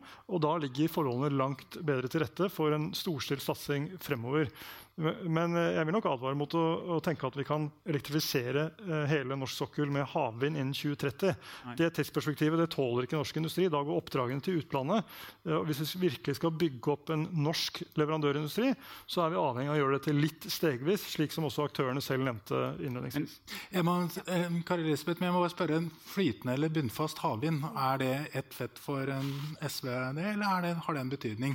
For Vi ser at det er veldig stor forskjell på de to områdene. Vi har la da Sørlige Nordsjø 2, så må alle knuffer og mer eller mindre slåss om markedsandelene og klager til dommeren om at eh, dere må ha en større bane for oss. Mens det ikke er fullt så knuffing. Eh, man lover til og med subsidiefritt der, mens det er ikke fullt så mye knuffing på på Nordsyra og flytende havvind. Hva tenker dere om forskjellen på de to? Altså, det er jo innenfor flytende havvind vi har det industripotensialet. Mm. Eh, så når du skal snakke om et industrielt eventyr, så er det innenfor flytende. Det betyr jo ikke at vi ikke skal gjøre Sørlig Nordsjø og bunnfast. Det skal vi jo gjøre. Men, men de store volumene på sikt må jo være innenfor flytende havvind, mener vi. Eh, og derfor så, så, mener vi også at det er viktig da, som en del av den elektrifiseringa av sokkelen. Nå er det vel ikke hele sokkelen så Stortinget har vedtatt eller SV har stilt seg bak. Det er 50 utslippskutt innen 2030. Det skal vi få til gjennom elektrifisering. og Da må havvind og flytende havvind være en viktig brikke der. Og så har jeg bare lyst til å trekke frem liksom, sånn, Hva det som skjedde da etter 2009? For å bruke det som utgangspunktet, at industrien ikke var klar. Ja, det er riktig. Men det som også skjedde, var en galopperende oljepris. Og du, du kommer ikke bort ifra at dette henger også sammen med øvrig aktivitet på sokkelen og øvrig aktivitet i leverandørindustrien. Og det er klart at Så lenge det har gått så det griner innenfor oljeindustrien, enorm eh, lønnsomhet, veldig veldig høy oljepris, da er det vanvittig vanskelig å få, uten sterke politiske virkemidler, mer av aktiviteten innenfor havvind. Altså, det var jo en oppbygging innenfor havvind rundt 2008-2009. Så kom liksom den oljeprisen, og finanskrisa var også en del av det, som bidro dessverre til at vi liksom vendte seg bort fra det. Derfor så mener jeg at det er viktig at vi nå uh, ser dette i sammenheng. Derfor så mener jeg den oljeskattepakka var veldig gal, for den kom akkurat i det tidspunktet der vi faktisk hadde trengt å begynne å vri mer av leverandørindustrien innenfor, uh, inntil havvind, så er vi der vi er i dag. Men la oss nå bruke virkemidler for å få fart på dette. Jeg må spørre deg, Espen. Eh, hvis jeg hørte riktig fra SV, så var det liksom at det var flytende som måtte være den store bolken. Stemmer det? Hva tenker dere? Har dere altså, vi, jeg, vi, er for både bunnfast og flytende. Men Kari Lisbeth har jo helt rett i at der hvor Norge kan ta en særlig nisje, er flytende. Fordi bunnfast og landbasert har dansker og co. tatt. ikke sant? Så det, det, det, blir ikke stor Man kan alltid bygge noe, men Den, der hvor vi kan komme med masse innovasjon, og hvor våre verdensledende selskaper på kabler og for, fortøying og uh, coating og få ting til å stå rett opp og ned i ti meter høye bølger. Altså, norsk leverandørindustri har bokstavelig talt vært ute en vinternatt før. En vinternatt i Nordsjøen. Dette er vi eksperter på. Så det er der liksom industripotensialet er. Men det er ingen som er mot uh, bunnfast. Det eneste som er greit å vite, er at det er ofte mer konflikter mot fiskeri på bunnfast, fordi det ofte er på fiskebånd. Altså det kan ofte være der hvor det faktisk er ganske mye fisk. Så det at de flyter, har også den fordelen at da kan de flyte der det passer. på en måte. Eh, og Derfor så kan du også legge dem unna de mest attraktive områdene for andre typer næringer, noe som er vanskeligere med bunnfast, for de må jo nesten være der det er grunt. og så er det jo slik eh, liksom, topografien ute i både Nordsjøen og Norskehavet er sånn at det er ikke fryktelig mange attraktive steder som får bunnfast, egentlig. Det er jo særlig sør at det er relevant. Så med, altså, at the end of the day så er det flytende som blir vår store greie, tror jeg. Hva tenker du, Nikolai? Nei, jeg tenker at uh, De har helt rett i at på flytende så har vi uh, spesielle forutsetninger for å hevde oss. Og, men jeg tror det blir feil å si at ikke vi også har et potensial til å videreutvikle markedet knyttet til bunnfast. Nettopp fordi vi har ekspertise på operasjoner. Altså Leverandørmarkedet er jo, næringen i Norge er jo mye mer enn det å bygge understell. for å si det sånn. Så, så vi har jo hele verdikjeden, komplekse operasjoner. Alt dette har vi eh, gode forutsetninger for å bidra til. Og særlig fordi at også ute så vil det være et spennende marked for for bunnfast, som vi da kan hevde oss på. Eh, og mange har jo den type litt krevende forhold som vi har. Det er noe annet å montere bunnfast på Sørlige Nordsjø enn, det er inne i Kattegat. for å si det på den måten. Men det er jo ingen som er mot bunnfast. Det var ingen som sa Nei, nei Poenget er bare at det, jeg tror vi skal sikte på det som er skikkelig vanskelig. Ja, han spurte om jeg ville ha flytende eller fast. Norsk industri er veldig god på det som er ordentlig vanskelig. Og det er der vi kanskje har komparative fortrinn, fordi ja. vi har drevet med ordentlig vanskelige ting før. Og det som sånn plain sailing, det kan alle klare. Er det noen som har noen formening om hvor mange vindturbiner aksepterer vi ute i norsk farvann før vi sier stopp? Er det store forskjeller på det? Noen som har lyst til å kommentere på det? Ingen som har lyst til å komme med et tall som de senere må snakke med fiskerne om? nei, men altså, nei, det er jo helt umulig. Sant? Nå har vi satt 3 gigawatt flytende havvind innen 2030, som jeg mener er realistisk og, og mulig å, å, nå, men også har liksom tilstrekkelig mengde da, til å få opp det industrielle nivået. Eh, så eh, er det jo en forutsetning her. altså Vindkraft på land ble så vidt nevnt. og jeg tror vi alle tre er enige om som også liksom vindkraftforkjempere. Altså jeg har vært kjempe for, er kjempe for vindkraft på land. Det har fått et enormt rekyl. Liksom. Det, må vi jo bare, må vi jo bare erkjenne. Um, og det gjelder i alle partier. Eh, at vi har hatt den motstanden. Og den er liksom geografisk veldig veldig tydelig. Det er de fylkene der det har vært uh, størst utbygging av vindkraft, og at du får den største motstand. Så må gå tilbake og se hva var det vi gjorde galt. da.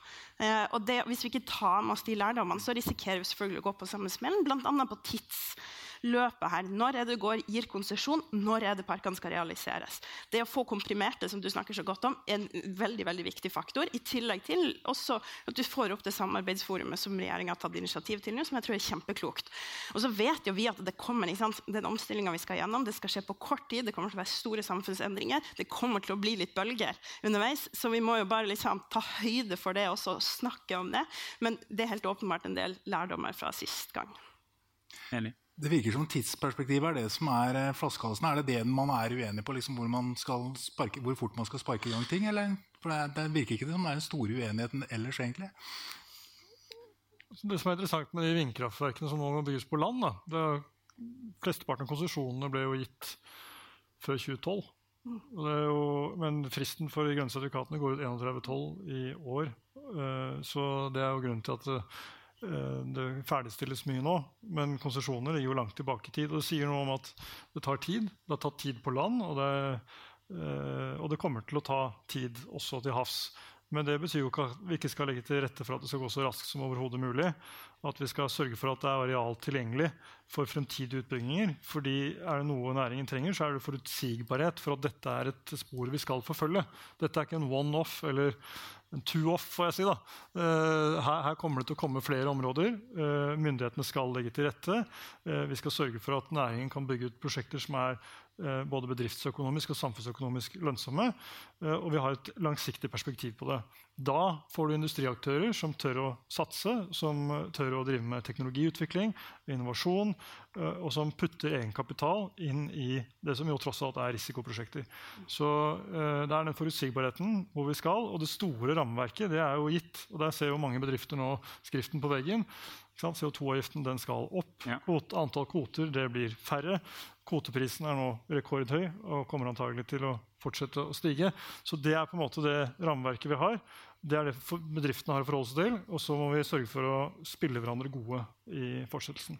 Og så tenker jeg det er noe som er litt viktig, siden jeg tror det er mange fra bransjen som følger med her. Altså, det, nå, jo, nå, ser vi jo konturene av ganske bred enighet om mange ting her. Altså det Nikolai sier helt riktig, altså CO2-prisen skal opp. Og det, Den europeiske kvoteprisen er, begynner jo virkelig å bite. Og, og med Fit for 55 og Green Deal og det som skjer der, så skal de jo nå også Eh, stramme inn på antall kvoter sant, som kommer til å føre til at det blir mye dyrere å forurense, altså billigere å la være. Det blir mer attraktivt å finne andre løsninger. Dette virker, Det er sikkert, jeg vet ikke akkurat hvor fort, men det kommer til å gå opp. Det er en rammebetingelse. Så er jo alle vi partiene eh, enige om at vi skal ha en nøytral oljeskatt. Og, og, gratulerer til Norsk olje og gass, som konkluderte så raskt på noe som er ganske fornuftig tiltak, nemlig en, eh, en, en, en, lik risikodeling mellom stat og selskap, som ikke har noen dramatiske effekter i det hele tatt, men som er ryddig å få unna. Eh, og så hører vi fra veldig mange partier at det skal bli mer havvind, og at du skal bygge disse framtidsnæringene. Det er, jo, det er vi enige om. Eh, og, og, det er jo, Man har etterlyst forutsigbarhet, og vær så god, her er forutsigbarheten. Det, dette Løp ut og bygg. Ja. Forutsigbarhet, forutsigbarhet, enighet, enighet. Du kuppa meg litt, for jeg hadde tenkt å bruke anledning til å spørre om det er noen spørsmål fra salen. Så kan vi få delt ut en mikrofon mens du skulle få lov til å svare akkurat det. Så derfor så tenkte jeg, Kari Elisabeth, mens eh, man går rundt med en mikrofon her, spør om det er noen som vil stille noen spørsmål til panelet. Hva tenker du om enigheten etterpå? Er det så enige at eh, med et eventuelt regjeringsskifte, eventuelt hva det måtte bli fremover, kan leverandørindustrien, bransjen som helhet, stole på at eh, selv om det kan skifte litt frem og tilbake, så klarer dere, ikke bare dere tre, men også partiene dere representerer og de andre, faktisk å bli enige om å gi bransjen det de trenger av forutsigbarhet? Ja, det mener jeg helt klart. Eh, her er det, det er jo enighet om målet, og så har det vært uenighet. Kanskje litt fortsatt om tempoet og akkurat virkemidlene, men målet er jo tydelig. Og det er jo det som jeg tror er liksom viktig nå lærdom her, og som vi skal sette over på andre deler av omstillinga vi skal gjennom også. At vi politikere skal sette noen klare mål om hvor det er vi skal eh, innen 2030, og det er signalet i realiteten til bransjen om å komme i gang. Så er jeg klar for det. Har vi noen som har et spørsmål? Si hvem du er, og hvem du stiller spørsmål til. Jan Ole Bjørnholt her. Eh, til politikerne og bransjen. Hva ser dere for dere som maksimal potensial for havvind i antall gigawatt utbygging? Hvis vi ikke ser på, holdt på å si, eh, ja, andre begrensende faktorer. Men hva, hva, ser man for seg innenfor norsk eh, territorie? Vanskelig spørsmål. Hvem vil svare? Altså, jeg er ikke noen ekspert på dette, som det heter. Eh, men eh, mitt inntrykk er vel at eh, potensialet er omtrent det samme som vi har installert effekt i vannkraften i dag, som er rundt 30 GWh. Så det er omtrent. Så all den satsingen på havvind har potensial til å bli omtrent som norsk vannkraft. Det er egentlig det Vi kan doble produksjonskraftproduksjonen vår. Mm. Er det nok? Ja. Nei, men også, jeg må til deg, Det er et spørsmål med tanke på energimengden fra olje og gass kontra energimengden fra havvind. Altså, er det nok? Eller vil dere hatt enda mer, dere som er veldig offensive på havvind? Ja, altså, eh, for det første så deler jeg litt det synet på, på, potensial, men det er vanskelig å spå. Vi skal i hvert fall ikke drive på med å være noen sånn begrensende faktor her. Eh, og så eh, skal vi gjennom en stor energiomstilling, og det er nok til det og til den, den industrien som vi ser for oss fremover, og kunne da bidra eh, også på europeisk nivå. Og det er jo liksom det sentrale. Hele Europa skal gjennom en stor energiomstilling. Det er viktig at vi også er en del av det, eh, og at havvind gjør at vi kan koble oss på til det. Um, så, så, vil jo liksom det, ja, det, må jo også være et behov her eh, som etter hvert styrer liksom også det som, som eventuelt blir eh, potensialet. Eh, men, men, jeg tror at den størrelsesorden er noe av det vi kan snakke om da, på lengre sikt etter 2030. Mm. Nikolai, du ville ta ordet igjen? Ja, så jeg bare tenker at uh, Dette er det umulig å gi noe fasitsvar på. Ikke minst fordi også teknologien kommer til å utvikle seg. Altså her vil det være, vi har allerede sett hvordan uh, vindmøllene har blitt litt større med årene. Uh, og turbinene er blitt litt større. Det er, jo, litt, det er noe av utfordringen vi har med nettopp landbasert vind. var at Man så for seg noen små, nusselige møller, og så ble det noen gigantiske møller isteden. Mm. Men på samme vis så tror jeg kanskje at den teknologien som nå bare har handlet om å forstørre og, og, gi litt bedre effekt, vil kanskje handle om at vi får nye typer teknologi som kan gi større kraftproduksjon fra uh, vindkraft enn det vi har sett til nå. Og da vet vi jo ikke hvor taket her er. Men det viktige er jo at vi har et marked for denne strømmen, at vi bruker eh, strømmen til å også videreutvikle norsk industri her hjemme, men at vi får avsetningen eh, for kraften eh, ut til Europa, og at vi dermed både kan tjene penger på kraften, men også på å eksportere elektroner i fast form. Men det, men det markedet det, det kommer jo når, når man virkelig nå skal gjennomføre Green Deal og Fit for 55 og faktisk avkarbonisere energibruken i Europa, så vil det være et enormt behov for masse mm. kraft. Ja, det, så, lenge, dere tror egentlig at, så, så, lenge infrastrukturen gjør det mulig, for du må jo først til kysten, og så må du nedover fra kysten. Da, sånn som Tyskland, Det har jo også litt å gjøre med hvordan de får til på kontinentet å overføre sin egen kraft til der industrien er. og sånn. Men forutsatt at det kommer på plass, så er det jo et kjempemarked. For du skal altså bare gjøre masse nye ting med strøm, men du skal i tillegg gjøre alle de gamle tingene med strøm også, og det blir masse. Så det du sier er at uh, Uansett hvor mye Norge klarer å produsere, så vil det være kunder som ja. klarer å bruke det vi produserer? Ja, med den viktige forutsetningen. Ja, et annet spørsmål. Du skal få lov til å si en liten ting før jeg tar neste spørsmål. Men Det forutsetter jo da at vi har, faktisk har kapasitet til å uh, eksportere. Så det stiller jo den debatten om mellomlandsforbindelser også i et uh, viktig lys. sånn sett. Dere får bli enige. Det var et spørsmål her borte. Det er litt mørkt, men... Ja, hei. Uh, mitt navn er Simen Sjøli. Jeg har et uh, spørsmål til egentlig alle politikerne. Uh, jeg tenkte jeg skulle ta på meg rollen som festbrems, siden det var så stor entusiasme her. jeg er litt opptatt av det økonomiske. mange snakker om at dette skal bli et nytt industrieventyr. og det er, kan jo være veldig spennende. Men jeg tror man må ha klart for seg at dette her er ikke som på 60- og 70-tallet, da vi hadde muligheten for å bygge ut oljen. Det er langt større risiko. Mm. Og um, Hvordan har egentlig politikerne tenkt å styre den risikoen? For Vi har også friskt i minne hvordan uh, Statoil og Equinor uh, uh, sølte bort 200 milliarder kroner i USA mens ingen fulgte med, og ingen har bestilt det ansvaret etterpå heller. Um, avkastningen på vindkraft ligger på et helt annet nivå enn på olje og gass.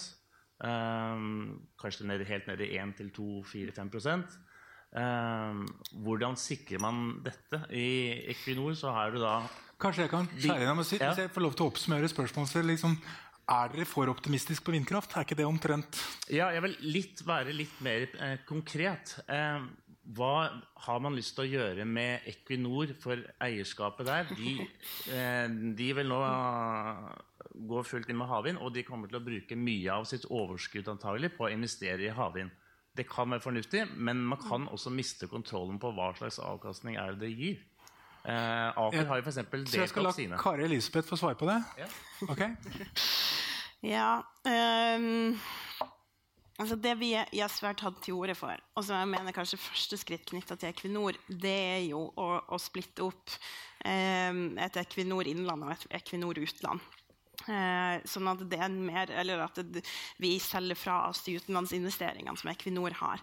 Eh, så eh, er det nok en diskusjon hos oss, som ikke vi har en sånn fasttømra politikk på om Equinor skal liksom eh, kanskje først og fremst være rendyrkerrollen som et oljeselskap og liksom gå for en nedhøstingsstrategi på, på sokkelen, eller virkelig ta spranget ut som et fornybarselskap eller et energiselskap. Så jeg, jeg skal ikke liksom låse meg til noe på, på det, tenker jeg. Eh, det er, vil uansett ikke være det som er viktigst for SV. Det viktigste for SV er jo heller de øvrige virkemidlene for å realisere havvind. Men ser dere den problemstillingen som eh, blir tatt frem her? Uh, ja, samtidig så skal jo ikke, uh, mener jeg, uh, og heller ikke SV, at vi skal liksom inn i styrerommet på de beslutningene som tas. Det at, det, det at havvindinvesteringer er mindre lønnsomme enn olje og gass, det er jo litt av utfordringa med det grønne skiftet som vi skal gjennom tidvis. Det, er, det gjelder også for staten Norge. du får ikke erstatta olje- og gassnæringa med én annen næring med tilsvarende lønnsomhet. Det skjer ikke. Men vi er nå likevel nødt til å bygge ned olje- og gassindustrien og opp de andre næringene. Som vi kan eh, leve av på sikt, og som er eksportindustrier. Havvind er en sånn næring, særlig flytende havvind med det industripotensialet. Også fordi, som jeg mener kanskje noe av det aller viktigste, det sikrer den overgangen for de folka som jobber i leverandørindustrien i dag, over på nye oppgaver som, som eh, vi skal leve av i årene som kommer. Nikolai, ville ikke, SV ville ikke dypt inn i styrerommet og ta detaljbeslutningene, men var mest opptatt av at det var liksom overgangen. Hva tenker mm. du om dette? her? For det er jo en problemstilling at man blir muligens for overentusiastisk for havvind som løsningen på alt i gåsehudene. Ja, det er godt å høre, fordi Da Hydro solgte valseverkene, så ville de jo vært inne i styrerommet og besluttet at de ikke skulle gjøre det. Så det er bra at Når, dere, når Høyre solgte kaffen, altså. Hva? Når Høyre solgte? Men da Hydro solgte valseverkene ja, sine, så var det jo ikke grenser okay. for hvor mange politikere som gjerne skulle vært der og overstyrt dem, til tross for at Hydro gjorde dette for å frigjøre kapital nettopp til den type satsinger som jo politikerne ønsker at de skal drive med. Så uh, det, det, er nå det. Men uh, grunnen til at jeg er uh, nettopp litt beroliget på dette, er at det er private konsortier som driver med dette. De må regne på risiko, og det er en helt annen type oppside potensielt enn på olje og gass, altså mye mindre. Og Det betyr at de eh, regner ganske hardt eh, når de går inn i disse prosjektene. Og når det er så mange konsortier som likevel ønsker å gå inn i dette, så mener jeg det er en positiv ting. Men det betyr jo ikke at man kommer til å tjene penger på alt dette. Det betyr ikke at alle kommer til å lykkes. Eh, men det betyr at eh, markedet har ganske stor tro på at dette er en del av fremtiden. Markedet har tro på at her kommer kostnaden til å gå ned og lønnsomheten til å gå opp.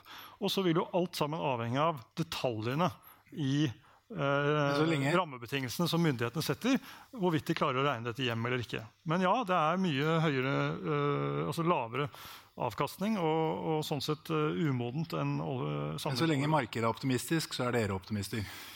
Altså, jeg mener i hvert fall at uh, Staten har ikke vært så, så, veldig god historisk sett på å plukke verken vinnerteknologier eller vinneraksjer. sånn sett, Vinnerselskaper, enkeltselskaper. Så, men vi må legge til rette for at uh, det finnes private aktører der ute som kan lykkes. Uh, og sørge for at rammebetingelsene er til stede for å få det til. Espen, men, du er superentusiast på havvind. Er du for optimistisk, du og Arbeiderpartiet? Ja, det, det um det kan jo være. Det er jo dumt å si at det helt sikkert ikke er det. Men, jeg, men det er jo veldig riktig som Kari Elisabeth sier, at altså, hva skal vi leve etter oljen? Det er, det mange, det er, det er mange forskjellige ting. Det, det, er ikke ett stykk nyolje. Så dette er én av mange ting. Og karbonfangst som teknologi eh, og, og, service. Eh, batterier, eh, grønn shipping, eh, hele sirkulære økonomikjeder. Altså, det er veldig mange ting som vi må utvikle. Og noen kommer til å gå bedre enn andre. og jeg synes for den grønne elektriske verdikjeder-rapporten fra i fjor sier mye klokt om det. Men det er også gjennomgående at det har ikke den profitten som olja har. Det må vi leve med. Det betyr at vi blir et mer vanlig nordeuropeisk land. Vi kommer til å ligne mer på andre rike land i Nord-Europa. Det funker der òg. Men vi har ikke den, den superprofitten som vi har hatt fra oljen. Men så er det jo riktig at vi har jo en unik fordel i at punkt 1, som Nino alle har sagt, altså vi har ekstraordinært gode vindressurser. Altså det blåser passe mye. Det skal ikke blåse, det skal ikke være orkan hver dag, og det skal ikke være flau bris. Det skal være sånn nordsjøtype vind. Det var ikke 9-10 sekundmeter eller sånn. I hvert fall den, det er helt riktig. Og så er det nær nok markeder som vil ha det. Og det er i Nordsjøen, særlig i vår del av Nordsjøen. Det er litt borti Øst-Asia, og det er østkysten av USA og nesten ingen andre steder som har så gode vindressurser. Og så har vi kanskje verdens beste leverandørindustri på de områdene som nå skal opp. Derfor er jeg ganske optimistisk. Men jeg har lyst til å si på det med Equinor, det er jo et stort og viktig spørsmål som vi må ha ordentlige svar på. Eh, der vi er nå, da, er at vi mener eh, selskapet bør holde sammen. Og så syns vi styret har tatt en klok beslutning, styret og ledelsen, som nå går ganske tungt inn i fornybar. Det tror jeg er riktig. Jeg vil ikke inn i det styrerommet. Men vi skal jo som eier uttrykke våre overordnede målsetninger på generalforsamlingen og stemme på styret, eh, som, som liksom er en del av eierskapsutøvelsen. Og der vil jeg bare si at jeg tror de har gjort et klokt valg. Men det er jo omstridt til og med inn i selskapet. Og mange rundt som mener at Harvest and Exit hadde vært smartere. Bare få ut de penga du kan, men da vet du liksom hvor det går. Så tenk at det er og Pøs inn i oljefondet og ha det bra, liksom. Men jeg tror at det, Norges største selskap, som har vært en industrimotor i mange år, også kan være det inn i framtida. Da må de selvfølgelig inn i det nye. Jeg tror vi skal la ett eller to spørsmål til fra salen. Stemmer det med ett, og så stopper vi? Ja, Og så skal dere få lov til å avslutte litt, men jeg skal stille ett spørsmål til slutt. Hei, jeg heter Alexander Wang og jobber for Nordsea og Parkwind, som er et belgisk utviklingsselskap i Europa. Og så lurte jeg bare på hvordan dere tenker med å sikre et bredt aktørmangfoldbilde. For når jeg leser mye av de innspillene, så er det klart skille mellom de store eh, energiselskapene som på en måte vil gjøre det litt vanskeligere å prekvalifisere. Um, mens det er noen små selskaper som ønsker å bygge ny industri og kanskje har en bedre løsning. Hvordan skal det legge til rette for at de mindre aktørene får en sjanse til å konkurrere? Um, slik at det ikke blir et marked hvor bare de store uh, vinner gang på gang på gang, og ikke gir en mindre utvikler en sjanse. Har dere noen tanker Dette høres jo litt ut som de kvalitative kravene om at ja. Eh, noen ser penere ut enn andre og dermed får jobben. Hvem har lyst til å svare på dette? Jeg mener det er viktig å legge til rette for et mangfold av aktører. Eh, og vi må, eh, vi må passe oss for å havne i en situasjon der vi til slutt ender opp med at vi har én eller to store norske aktører, men når vi kunne hatt et helt felt som kunne bidratt. Så dette er en balanse som vi må, vi må ivareta. Vi hørte jo her innledningsvis at uh, noen av de uh, aller største aktørene er veldig opptatt av at de må få lov til å være så store som mulig. Uh, og så er jo Et annet hensyn er hva gjør vi med mangfold og konkurransebildet. Mm. Dette er ikke enkelt, og her er jo heller ikke alt klart. Men dette er noen av de tingene som vi må balansere i tiden fremover. Men vi har jo litt erfaring i det fra oljealderen. Det er stort statsselskap, men også åpenhet for konkurranse med både norske og utenlandske private aktører, og etter hvert store og små. Og man har hatt ordninger som skulle legge til rette for at det også var mulig å være liten. Eh, og, og det er en balanse, og det er liksom ikke et perfekt svar, men man må være oppmerksom på det. Men ett viktig bidrag er at infrastrukturen er nøytral. Altså F.eks. dette Nordsjønettet, som er kjempeviktig, må være likestille eh, produsenter og konsumenter. Og det må liksom ikke være partisk for verken produsent og konsument. så derfor, og Der vil vi lære litt av Gassco og kanskje gå enda tidligere inn enn det man vi kan Først bygde alle rør i hytt og pinne, og så etter hvert ble det et slags system på det. Nå bør vi tenke fra bunnen av eh, at vi skal ha et nøytralt nett som kobler dette sammen på en ordentlig måte, hvor du kan komme inn som liten aktør og, og på de samme betingelsene som en stor aktør. Kari Elisabeth? Ja, nei, jeg er veldig enig i det siste der knytta til nett. Og, og, litt som Espen også er inne på, så, så, har vi jo hatt ordninger for olje. og Nå ble leterefusjonsordninga nylig avskaffa. Eh, men det er jo et sånn konkret virkemiddel da, som man har brukt for å få på, på plass mangfold av de små selskapene også på norsk sokkel. Vi, ikke, vi, kan ikke kopiere den modellen, men det er jo en påminner eh, om å bruke Se på hva slags ulike virkemidler man har for å sikre mangfoldet. Og så eh, henger det sammen også med det forrige spørsmålet om Equinor. altså Um, som jo er et sånn type stort selskap som er vant til å tenke stort. Uh, og vant til å tenke stort også i utbyggingene. og det, uh, Vi må ha virkemidler her som tilrettelegger også for de mindre aktørene som skal inn. fordi at de kan nettopp se ting på en litt annen måte enn det de store selskapene er vant til å løse det. Men det må ikke komme nå og plutselig synes leterefusjonsordningen var veldig smart? Jo, men, altså, jo, jo, men, jo, men det faktisk Vi har aldri vært imot begrunnelsen for leterefusjonsordninga, for den har handla om mangfold på sokkelen. Og det mener jeg sånn, det er en fair begrunnelse når den kom på plass. Det som har vært utfordringa med leterefusjonsordninga, har jo vært de langsiktige konsekvensene som vi har sett, bl.a. med at en del småselskaper først og fremst har drevet virksomhet for å få leterefusjonsordning uten å få, få funnene. Og det er jo en del felt som vi vil slite med lønnsomheten nå, som ikke hadde vært funnet hadde ikke vært for den leterefusjonsordninga. Så den har utspilt sin, sin, tid for en stund siden. Men den var, Hvis vi skal sette oss i barn, så tror jeg dette er et altså, Regjering, da, Men jeg tror vi holder oss til havvind, og vi er helt, helt, helt på oppløpssiden. Så jeg tenkte egentlig bare Siste spørsmål som dere alle tre skal få, få svare litt på. Altså, Norge er jo en energinasjon som i over 100 år har hatt overskudd av energi og derfor har bygd et velferdssamfunn basis først. Vannkraften, for over 100 år siden, så olje og etter hvert gass 50 eh, år siden. Er det havvinden som skal sørge for at vi er en energinasjon også i fremtiden? Er det liksom det som er den viktigste satsingen fremover? Får dere et minutt eller to hver? Jeg, jeg mener at eh, det er ikke ett svar. Det er ikke én næring som skal definere verken hva vi skal leve av etter oljen, eller hvorvidt Norge er en energinasjon i fremtiden. Eh, for det første så uh, har vi fortsatt mulighet til å videreutvikle vannkraften vår. Eh, vi har solenergi, vi har vindkraft, ikke så mye på land åpenbart, men til havs. Vi kommer til å se en fantastisk utvikling innenfor hydrogen. vi har fortsatt store olje- og gassressurser på norsk sokkel. og her kan det komme mange spennende ting fremover, bl.a. hydrogen fra naturgass. Ehm, så det er ikke eh, Og hvis vi lykkes med CCS, så kan jo det også åpne for eh, en helt annen type utvikling på norsk sokkel enn det man kanskje eh, ellers hadde sett for seg. Så, så, så vi skal leve av veldig mange ting fremover. Uh, ikke av én ting. Og det tror jeg kanskje er det viktigste budskapet. Vi må satse bredt. Vi må satse på en næringspolitikk som legger til rette for at uh, det satses, og at vi innoverer, og at vi får et mangfold av aktører, og at vi får mange bedrifter opp å stå. Uh, at vi, oppstartsbedrifter lykkes, og at nye teknologier tas i bruk. Det tenker jeg, Og så må vi selvfølgelig sørge for tilgang til vårt desidert viktigste marked i Europa gjennom EØS-avtalen. Uh, og jeg trenger ikke si at det finnes partier som ønsker å sette det i spill, men det vet dere. Jeg tror ikke vi begynner med det nå. Energinasjon Norge, hva er nøkkelen for Er havvind nøkkelen der? Ja, nei, jeg er for så vidt helt enig med Nikolai. Altså, havvind er en del av et stort, bredt bilde. Vi skal være en stor energi- og industrinasjon som skal ta mange gode posisjoner i den, det energiskiftet som Europa og etter hvert verden nå skal gjennom. og Derfor skal vi selvfølgelig ta vare på EØS, eh, men vi må gjøre mer enn det. Vi må koble oss enda tettere på Europas grønne giv enn vi har gjort. For nå er vi altså med i EØS, som er kjempebra, og, som må for all del beskyttes. Så er vi også med i kvotemarkedet, som nå strammes kraftig til, ETS. Det er alle norske partier for. Det er ingen som er uenig. Det det, er, vårt kvotemarked. Eh, og så er vi da med i en klimaavtale som er veldig bra, og som jeg var saksordfører for, og som vi er også veldig bred enighet om. Men det vi mangler, er en liksom, formalisering av koblingen til vekstplanen i EUs grønne giv, og det ville vært et godt supplement. Så når vår venn Trygve nå har gått bort fra å si nei til EØS og en bedre avtale, så tenkte jeg å foreslå at vi kan, et forslag til det kunne være at vi også koblet oss på EUs grønne giv.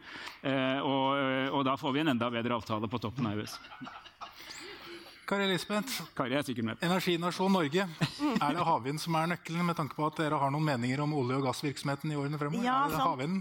ja, og der er havvind viktig, som vi har snakka om nå. Og det eh, der handler om til syvende og sist, er jo omstillingstakt og villighet til raskt nå klare å fase ut eh, oljeindustrien og bygge opp de nye næringene som vi skal leve av. Og det, der har vi nå et tidsvindu på oss. Det må gå raskt, ikke bare av hensyn til klimaendringene, som er svært alvorlig, men også av hensyn til nettopp Norges konkurransesituasjon internasjonalt. Det er ikke til å feie under teppet at andre land har løpt forbi oss, særlig under koronakrisa, der andre land systematisk har brukt de store krisepakkene til grønn omstilling. Norge har i realiteten gjort det motsatte med oljeskattepakker. Og det setter oss bak evjen. Nå må vi gå foran. Og det kommer til å innebære at vi må eskalere nå veldig og få opp, eh, få opp tempoet på de grønne virkemidlene for omstilling. Så jeg har lyst til å si til slutt at sant, Norge er en vannkraftnasjon og en oljenasjon, og det påvirker ekstremt mye av tenkninga i i departementene og i direktoratene i dag. Vi har en forvaltning som først og fremst kan vann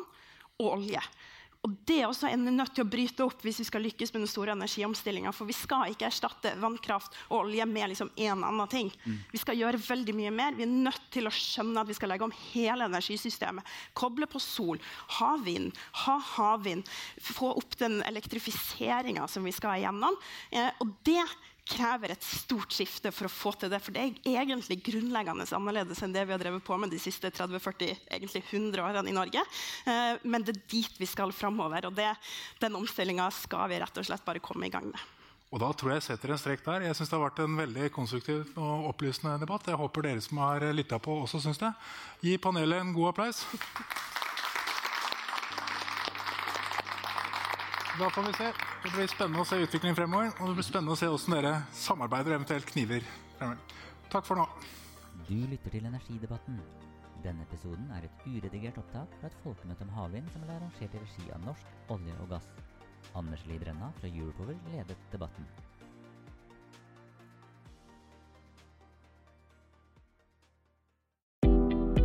Jeg heter Karoline og jobber med stillingsannonser for Europower. Europower har mer enn 7000 abonnenter, og podkasten du nå lytter til, har mer enn 300 ukentlige lyttere. Hvis du er på jakt etter ny jobb, se stilling.europower.no. Ta også gjerne kontakt med meg dersom du ønsker å annonsere ledige IT-stillinger i fornybar energibransje.